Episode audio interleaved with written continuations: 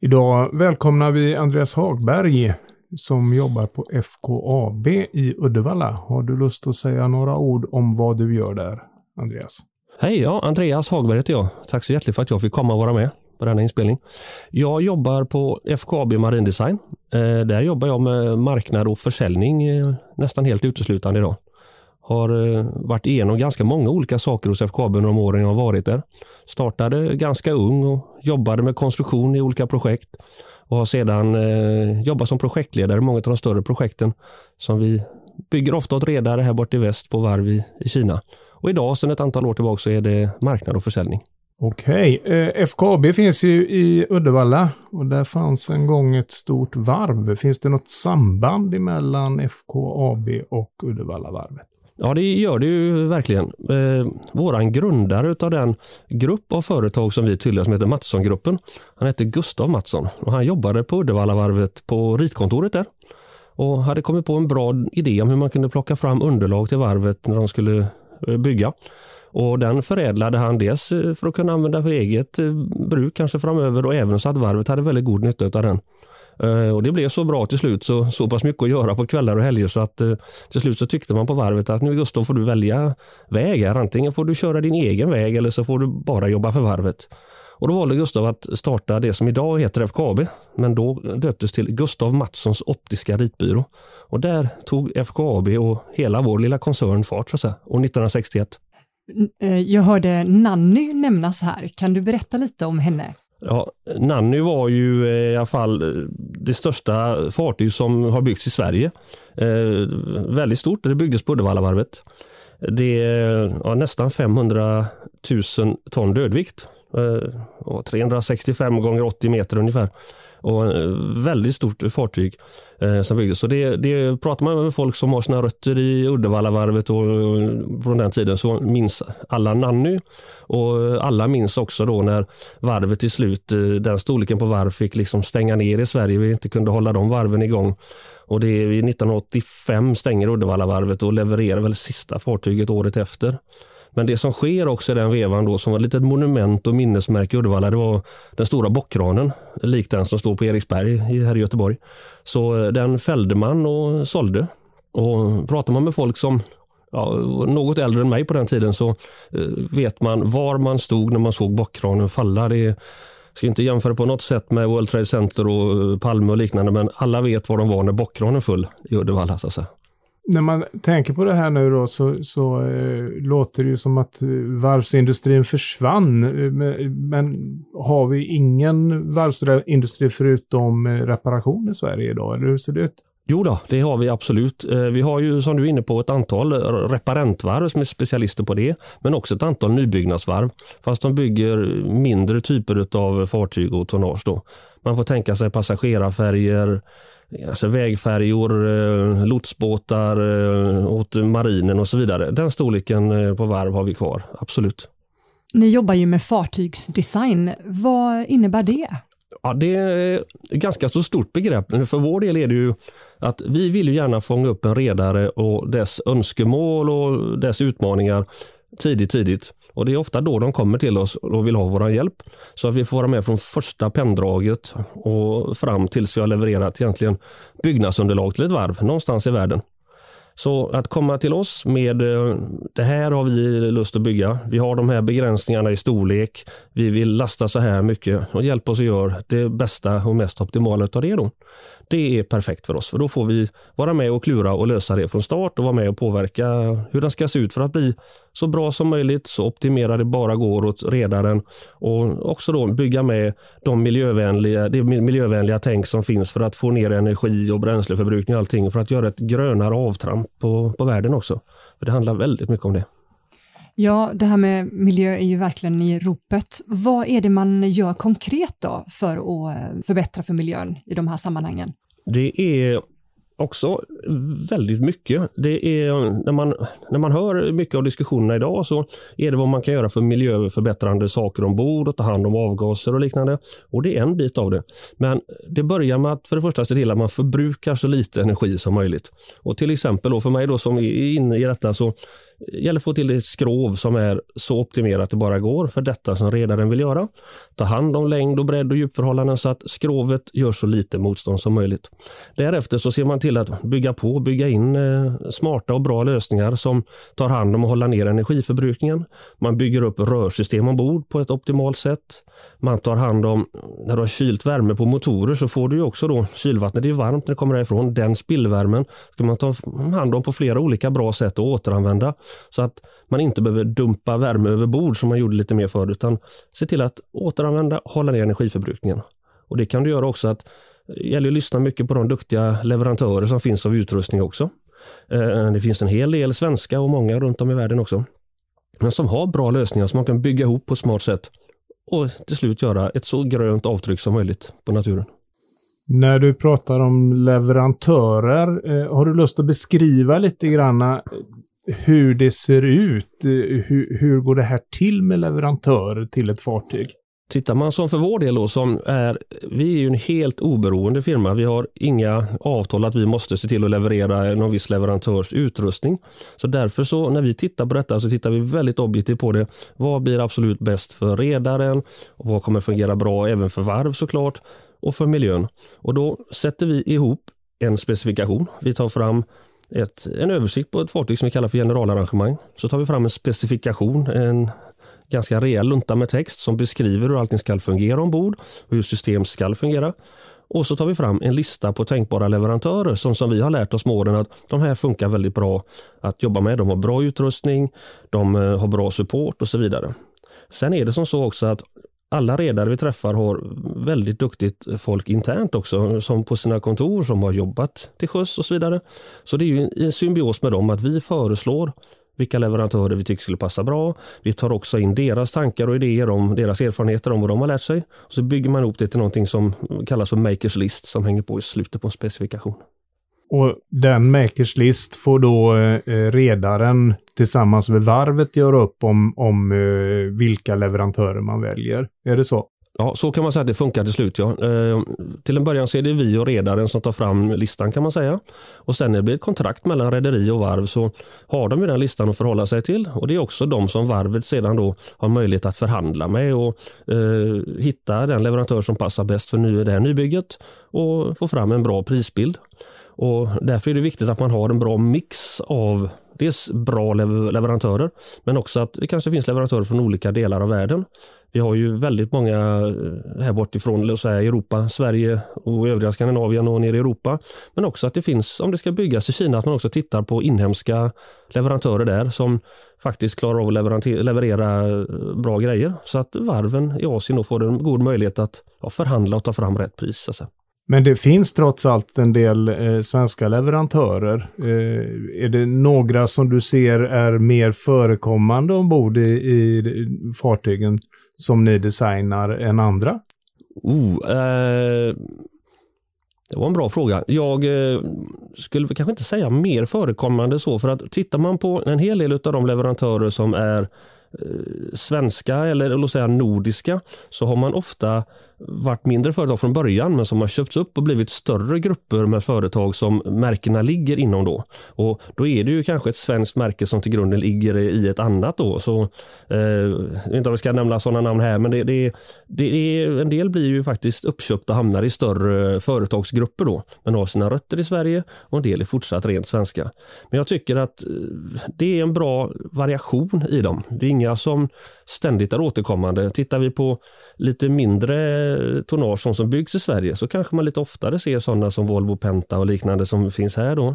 Kommer upp på större eh, tonnage, tankers som vi har sysslat med mycket det sista så kan tittar man på motorsidan så kan det vara stora leverantörer som eh, Wärtsilä, MAN, MAK, Caterpillar sådana som kan ta lite större lösningar. så då. Vi har eh, Alfa Laval till exempel. Där är Ålborg pannor som ligger med i detta och ja, det är frågan om. Det har ju köpts upp och blivit ett väldigt stora företag till slut. Så Eh, om det är rent svenskt idag eller om det är en kombination av, jag vågar inte riktigt svara på det. Nej, jag förstår. Jag tänker som så att eh, eh vi pratar ju lite detaljer här nu och det är kanske inte alla som hänger med på det, men eh, jag funderar på det när du sa med, med, specifikationslistan. Det är ju lite grann som när man bygger ett hus. Mm. Eh, att eh, man har eh, ett antal saker som man vill ska finnas eller, i huset, ja. tillika ombord. Och en del funktioner man behöver ha. Och det, det finns väl en likhet i det, att man, man kan välja vad man vill ha då utifrån dels vad man är beredd att betala men också vad man vill ha för funktioner. Precis, det stämmer väldigt bra. Ehm, det är inte, inte så sällan som man hamnar i ett läge att man tar fram första delen av ett projekt så är det väldigt mycket som vi säger då nice to have som ska ombord för man vill ha det mesta. Men sen så får man börja titta lite på vad kostnadsbilden blir och vad man till slut får betalt för att frakta det man ska frakta och kanske komma ner till en nivå så att man har en need to have lösning men med väldigt bra saker ombord. Och Det kan ju också vara när du tar hand om avgasrening och liknande. så Ett av företagen som är här i Göteborg som heter Gesab, de gör avgaspannor och katamajsers där man tar hand om och renar och tar hand om överskottsvärmen och gör något bra av den. Så att man kan hitta lösningar och de har ju olika stora paket även de, så man kan hitta rätt nivå där för redaren. Då. Men ofta startar det med att man man vill ju också se vad som finns för möjligheter och det är ju lite av vår uppgift att inte vara begränsade när redan kommer och undrar vad kan ni ta fram till oss? Så kan ju inte vi innan vi ens har visat dem vad som finns börja sålla då, utan då lägger vi fram det smörgåsbordet med saker som vi eh, vecka ut och vecka in läser på om, sätter oss in i studier, har i tidigare projekt. Och så berättar vi våra erfarenheter där och så hjälps vi åt att välja utifrån det. Då. Så det är ofta att man startar ganska högt och så bantar man ner till den nivå man ska hamna på. Mm, det låter intressant. Du var inne på det här med eh, energieffektivisering och miljö eh, förut. Jag har förstått att det har blivit en, en, ganska stor, ska vi kalla det för produkt för er. Eh, och man, eh, fartyg som ni har, har ritat och designat här ganska nyligen lyfts ju fram som väldigt energieffektiva. Jag tänker framförallt på Gothia Alliance eh, ja. tankbåtar. Har du lust att berätta någonting mer av det? Har det ja. Uh, ja, just uh, den serien med fartyg med Gothia Alliance där, då är det ju Furetank, eh, uh, Älvtank och Tuntank som har beställt uh, fartyg tillsammans. Och åtta stycken blir det den serien totalt. Och Det är intressant för där är det ju lite bränsleskifte kan man säga då. Då har man LNG, flytande naturgas, som sitt huvudbränsle och eh, även en batteripack installerad som man har, eh, just den här typen kallas UPS, så man har den som ett backup-system för att inte ja, riskera att få en blackout ombord och liknande. Då. Så det är en bra kombination av naturgas och batterier som eh, tar det. Och där har man, tycker jag, då, tagit eh, ett steg till. Eh, just den flytande naturgasen får ju ibland eh, lite kritik för metanslipp och liknande, men det vet jag är någonting som motorleverantörerna jobbar med kontinuerligt för att få bort mer och mer. Så på frågan som vi får av varenda redare när vi träffar dem så är det vad är framtidens bränsle? För det vill ju alla ha fram. Och eh, om ni kan berätta det för mig så ska jag gärna ta det med mig. Men jag tror att eh, LNG är ett väldigt bra övergångsbränsle. Jag tror det är en bra väg att gå nu. I kombination med batterier och bra landström eh, som man kan koppla in kanske när man ligger vid kaj. Sen kommer vi väl se ännu bättre bränslen om ett antal år. Men det tar sin tid. Det är en viss eh, tröghet i att eh, få fram det. Man ska få bra saker som fungerar ombord. Du ska ha en bra näringskedja hela vägen så att bränslet finns tillgängligt när du behöver bunkra det. Du ska ha regelverk på plats och sådär. Så att jag tror att 15 år sedan så trodde vi nog att LNG skulle komma riktigt rejält. Så då läste vi på mycket om LNG och vi hade en tidigare kollega som var inbjuden till London på Stora konvent och stod och berättade från vår sida om LNG. Men det var tio år senare som det tog fart. Så att marknaden behöver komma med och få all infrastruktur på plats och sådär. Så att, eh, men just de här Gothia Alliance-båtarna, de eh, var tidiga ut med eh, den här hybriddriften då, med LNG och batterier och har även möjlighet till lite diesel ombord till hjälpmaskineri och så. Ja, intressant att höra. Eh, nu är ju både Furetank, som finns på Ronsö tillsammans med Eltank och Tuntank svenska rederier. Eh, hur ser det ut? Har ni fått några eh, internationella kunder på, på eh, konceptet eh, med energieffektiviseringen? Ja, absolut. Vi har ju kunder i eh, både ja, Norge och Tyskland till exempel, om vi fortsätter röra oss här i Europa.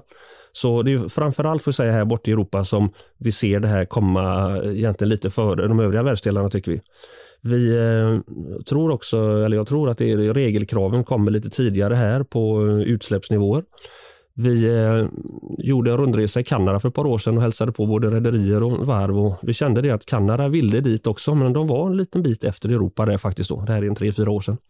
Eh, tittar man på de kunderna i Norge och Tyskland som vi jobbar med så är det på alla släppar där också att man ska ha ett så miljövänligt bränsle som möjligt och eh, tar vi upp i Norge där för Utkilen rederi så eh, de båtarna är byggda så att det är något som kallas för gas ready. Då har man eh, sett till att förbereda fartygen att man inte gått fullt ut till att installera gas ombord men vi ser till under nybyggnadsdesignen att den är förberedd på att all stabilitet och läckstabilitet och sånt finns på plats om man skulle göra konverteringen senare. då tar vi eh, en tysk redare där vi bygger två båtar för dem nu.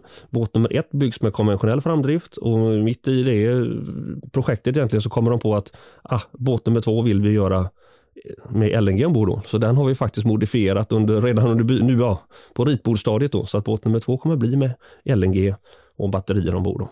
Så det övriga Europa börjar göra samma sak och rätt så häftigt egentligen att uh, Donsö med alla dess rederier faktiskt går lite i spetsen för detta. Det tycker jag är väldigt trevligt att se. Ja, vi tycker ju det är väldigt roligt att eh, ni som svenskt företag då får uppdrag att lösa det de tänker. Ja. Eh, men båtarna byggs ju ofta i eh, Kina. Jobbar ni mest med varv i Kina eller hur ser det ut? Vilka är era varvskunder? Ja, det är helt rätt. Det är mestadels varv i Kina. Eh, börjar vi i Sverige så är det vi gör till svenska varv det är mer på reparentsidan. Där är vi med på ett antal projekt för livstidsförlängningar på ofta myndighetsfartyg och liknande eh, hos olika varv. Eh, vi har även en hel del nybyggnationer på till exempel Swedeship på Tjörn utanför där här nu. Så där gör, gör vi det. Vi har några varv i Europa vi har jobbat med i, i nutid. Turkiet har ju en ganska stark varvsnäring. Och sen så är det Kina nästan för hela pengen på de, det större tonnaget. Och vi har ju sedan år 2001 vårt eget kontor i Shanghai eh, med egen personal. Då startade vi Dalian, så växte vi till Shanghai och sen har vi valt att ligga kvar eh, helt och hållet i Shanghai. Då.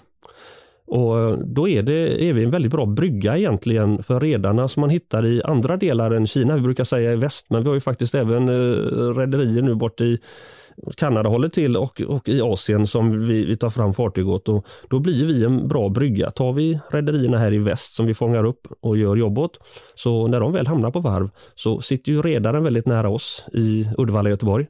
Eh, I alla fall i samma världsdel. Eh, lättare att prata, låt säga samma språk och samma kulturer. Och när det hamnar på varv där så har vi vårt kontor med eget folk i Shanghai som kan ta hand om supporten där då. Så då blir vi i FKB lite av en brygga mellan Europa och Kina.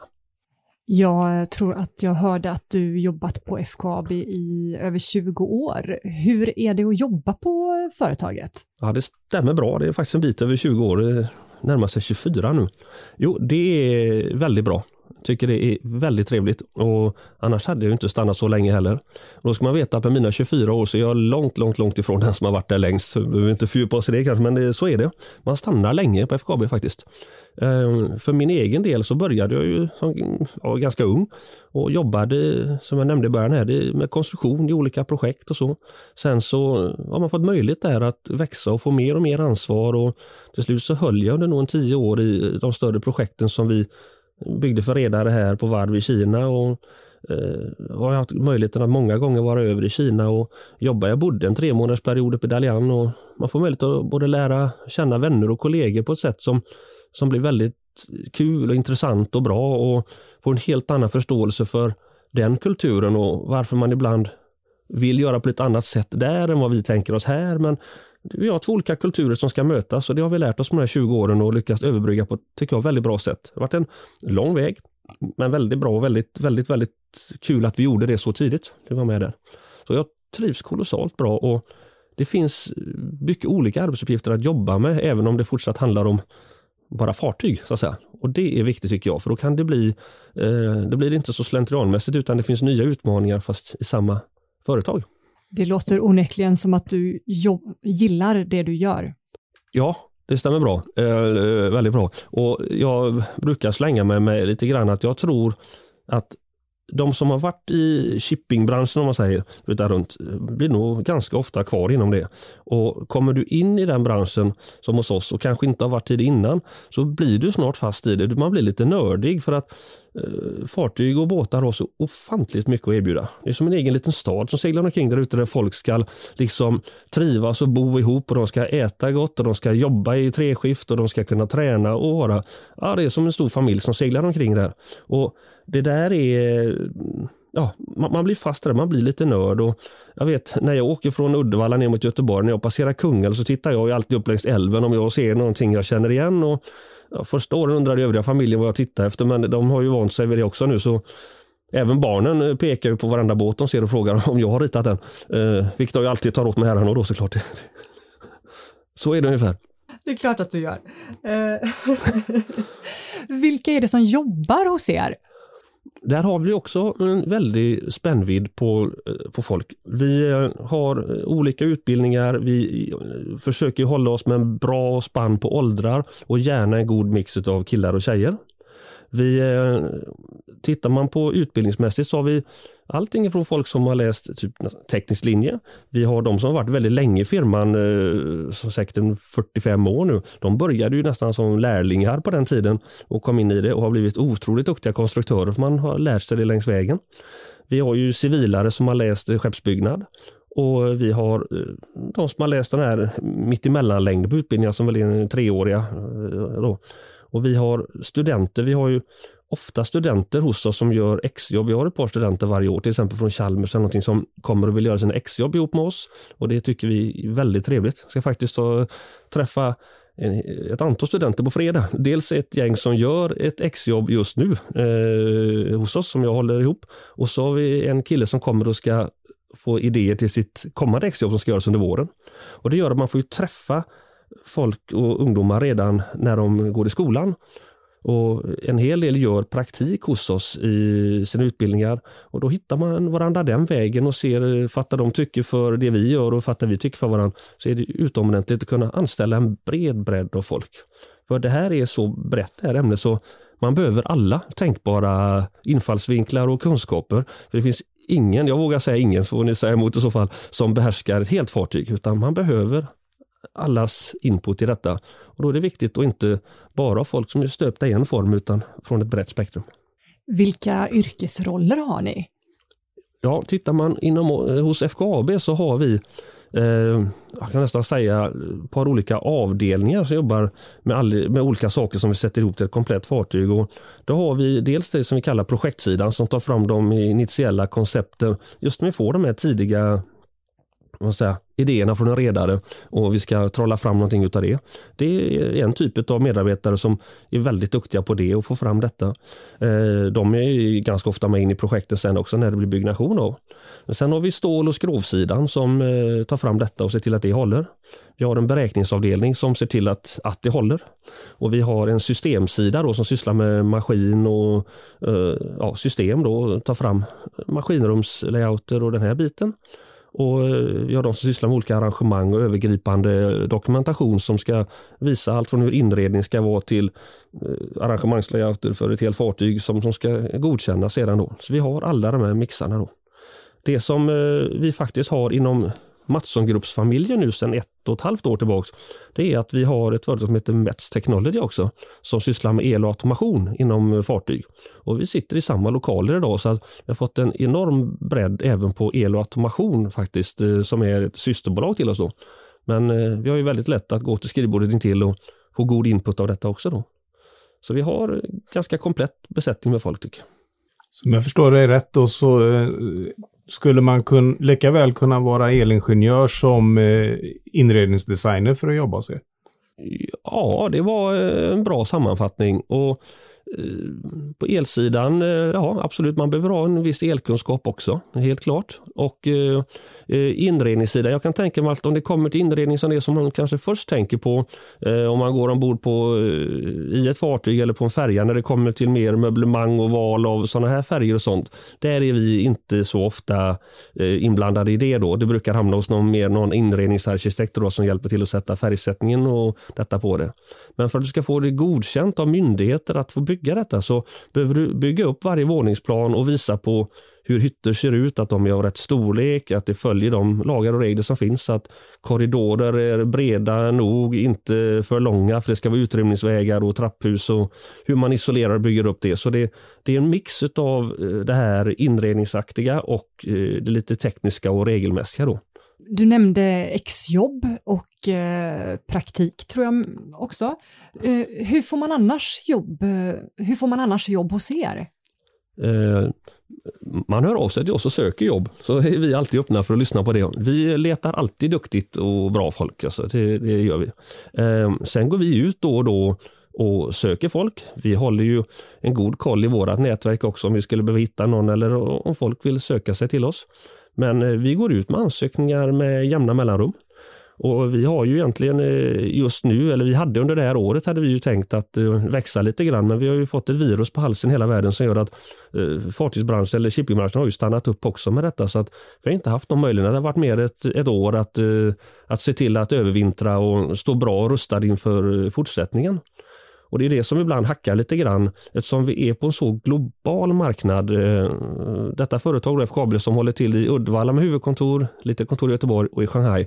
Vi har ju kunder över hela världen och det gör att man får, eh, måste ju ha en god bredd på på folk liksom som, som, som, vill jobba med oss och som vill sitta i projektledning och liknande. Så att vi söker ju med ljus och lykta över det. Eh, sen så har det blivit som så att eh, fartygsnäringen har varit inne i ett par stycken ekonomiska krascher de sista åren. Eh, en krasch upplevde nog alla då 2008 9 någon gång när Lehman Brothers, då fick ju hela världen känna av det. Och då blev det ju en liten eh, ja, minskning, en stor minskning inom fartygsbranschen. Den var den största vi har sett. Och även en här i mitten på 2010-talet, 2015 någonstans, så var det också en nedgång just för shipping. Och I de lägena när man vill växa så blir det svårt att växa tyvärr. Men nu är vi i en fas där vi verkligen vill både föryngra och ja, anställa fler och få in fler nyckelkompetenser. Så vi står klara för det, bara vi får eh, kommit över den här coronasituationen så är det precis det vi ska göra. Så då skulle jag egentligen bara uppmana att de som är intresserade och skulle tycka att det här låter som en trevlig näring eh, ska man höra av sig till FKB. Eh, gå in på vår webbsida och titta eller hör av er till mig. Det låter som en lysande framtid. Det, det är väl det studenterna säger, en lysande framtid är vår. Är det inte så? Det stämmer väldigt bra. Och eh, då, det är innan de har kommit ut i arbetslivet. Då. Men, men den är lysande även sen. Det låter bra. Andreas, eh, är det någonting som du känner att det här fick jag inte sagt som jag skulle vilja säga, så vill jag nog faktiskt ge dig den möjligheten nu.